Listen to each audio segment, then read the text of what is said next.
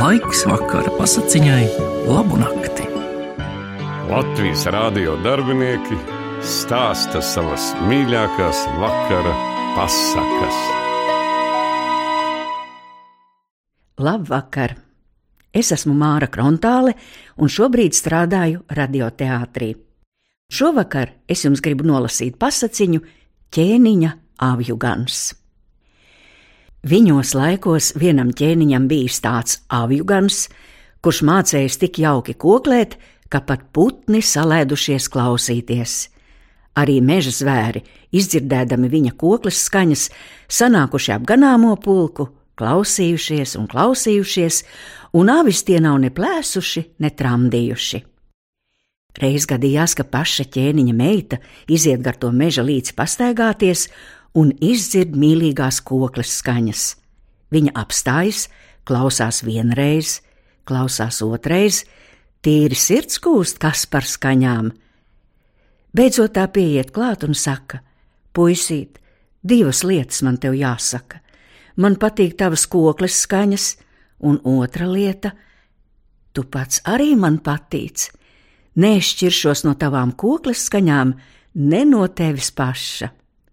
Puisītis nu koklēja tik jauki, un meitiņa klausījās tik uzmanīgi, ka pat aizmirs uz mājām iet. Vecais ķēniņš izgaidījās vienu brīdi, otru brīdi, bet meita neredzama, nedzirdama. Viņš iet meklēt un atrod savu bērnu pie āvjugana. Ko tu te dari? Vecais bargi uzprasa. Klausos tētiņa puisīša koklīti, vai neredzi, ka pat putniņi salēdušies klausīties? Pavēli puisītim koklēt, un tu redzēsi, ka ir tev patiks klausīties. Tu, tētiņ, tad vairs arī nebrīnīsies, ka esmu apņēmusies nekad vairs ne no viņa paša, ne no viņa koklītes šķirties. Vecais ķēniņš to dzirdēdams, paliek zils aiz dusmām. Viņš sagrābja meitu, pārved mājā, bet puisīti koklētāju pavēl mežā ievest un uz nāvi nosodīt. Ķēniņa sulaiņi ieved aviju ganu mežā, lai pat labam izpildītu, ko ķēniņš pavēlējis, bet te mežs drūmīgi nošalts un zaļoksns vīrs zaļās drēbēs uzsauc bendēm: Manā daļā nevainīgos nenosodīsiet! Turpretīm avjugāns to dzirdēdams no prieka sagrābi savu kokli un nu koklē, lai lūst un plīst. Otrā rītā itin agri ķēniņa meita steidzās uz mežu avju ganu meklēt. Viņai maz cerības, ka vēl dzīvu atradīs, bet nonākusi pie meža līča, tai bēdas izklīst, jo mežā atskan tās pašas koklas skaņas, kas vakar. Un re, avju gans iznāk vesels kā rutks ķēniņa meitai pretīm. Abi no ilgi gudro, kā no ķēniņa bardzības izsargāties – bet kamēr šie domā, vecais ķēniņš jau atkal mētē pakaļ, un šoreiz vēl ar karaspēku. Kur nu slēpties? Ātrumā nabadzīņi nevar nekā sadomāt, kā tik bēgt. Caur mežu gāja labi, bet otrā meža malā par nelaimi upe priekšā. Tagad bēgļiem būtu klājies nelabi, bet zaļais vīrs, kur gadījies, kur ne, apsolās nabadzīņiem izlīdzēt. Viņš acu mirklī uztaisa zaļu tiltu pāri upi un pārved abus pāri. Ķēniņš ar karaspēku arī grib pār tiltu tikt, bet tilts nozūd. Otrā malā zaļais vīrs saka avjuganam: Neķīvējies ar ķēniņu, atdod viņam tagad savu līgaviņu, gan vēlāk pats tev meitu piesolīs. Pacieties, ir tu meitiņa, gan puisītis pārnāks un tevi apņems bez tēva ienaida. Avju gans tad saka: Klausies, ķēniņ, netiepšos, neķīvēšos, šeit tev tava meita, gan vēlāk man ar labu atdosi. Auju gans no aiziet uz citu pusi un salīkst pie cita ķēniņa kalpot. Otrā gadā šim ķēniņam izceļas karš ar kaimiņu ķēniņu.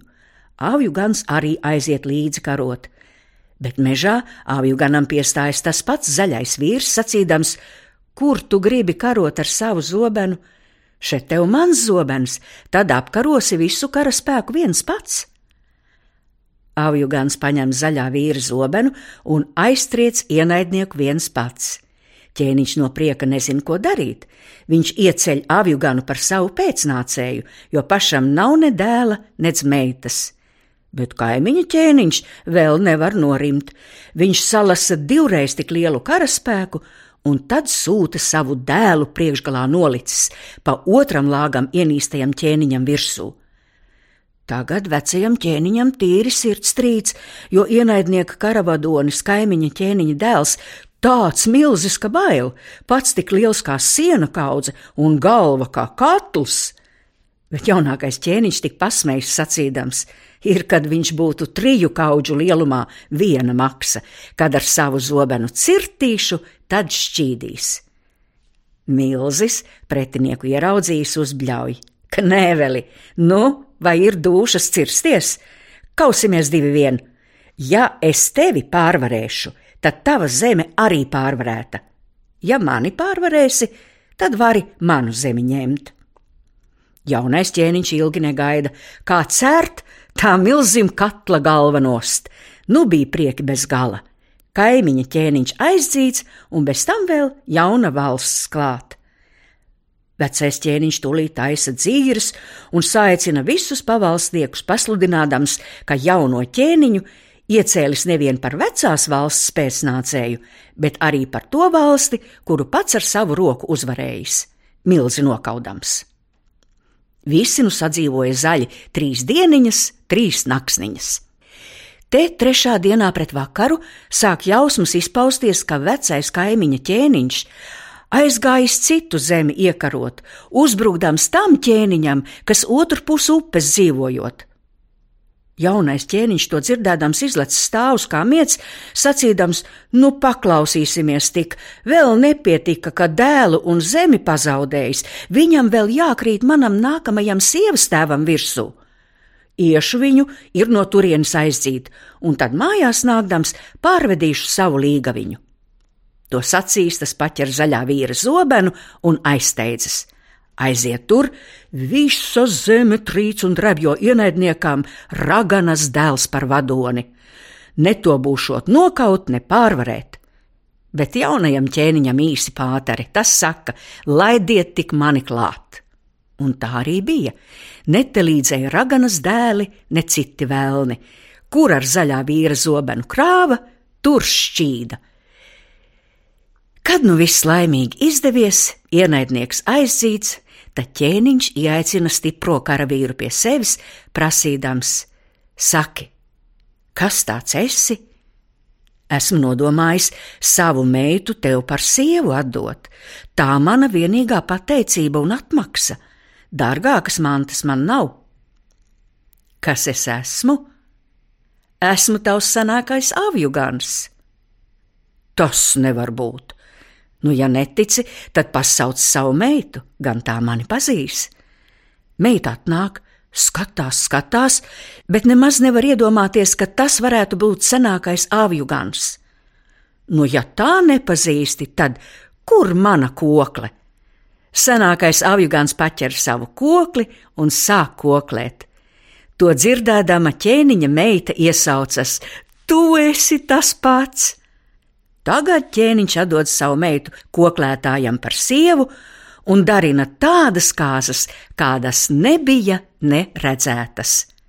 Kāzu rītā jaunais ķēniņš saka uz sievas tēvu: Nu, redzi, vai tev toreiz aiz upes neteicu, ka vēlāk man savu meitu ar labu atdosi?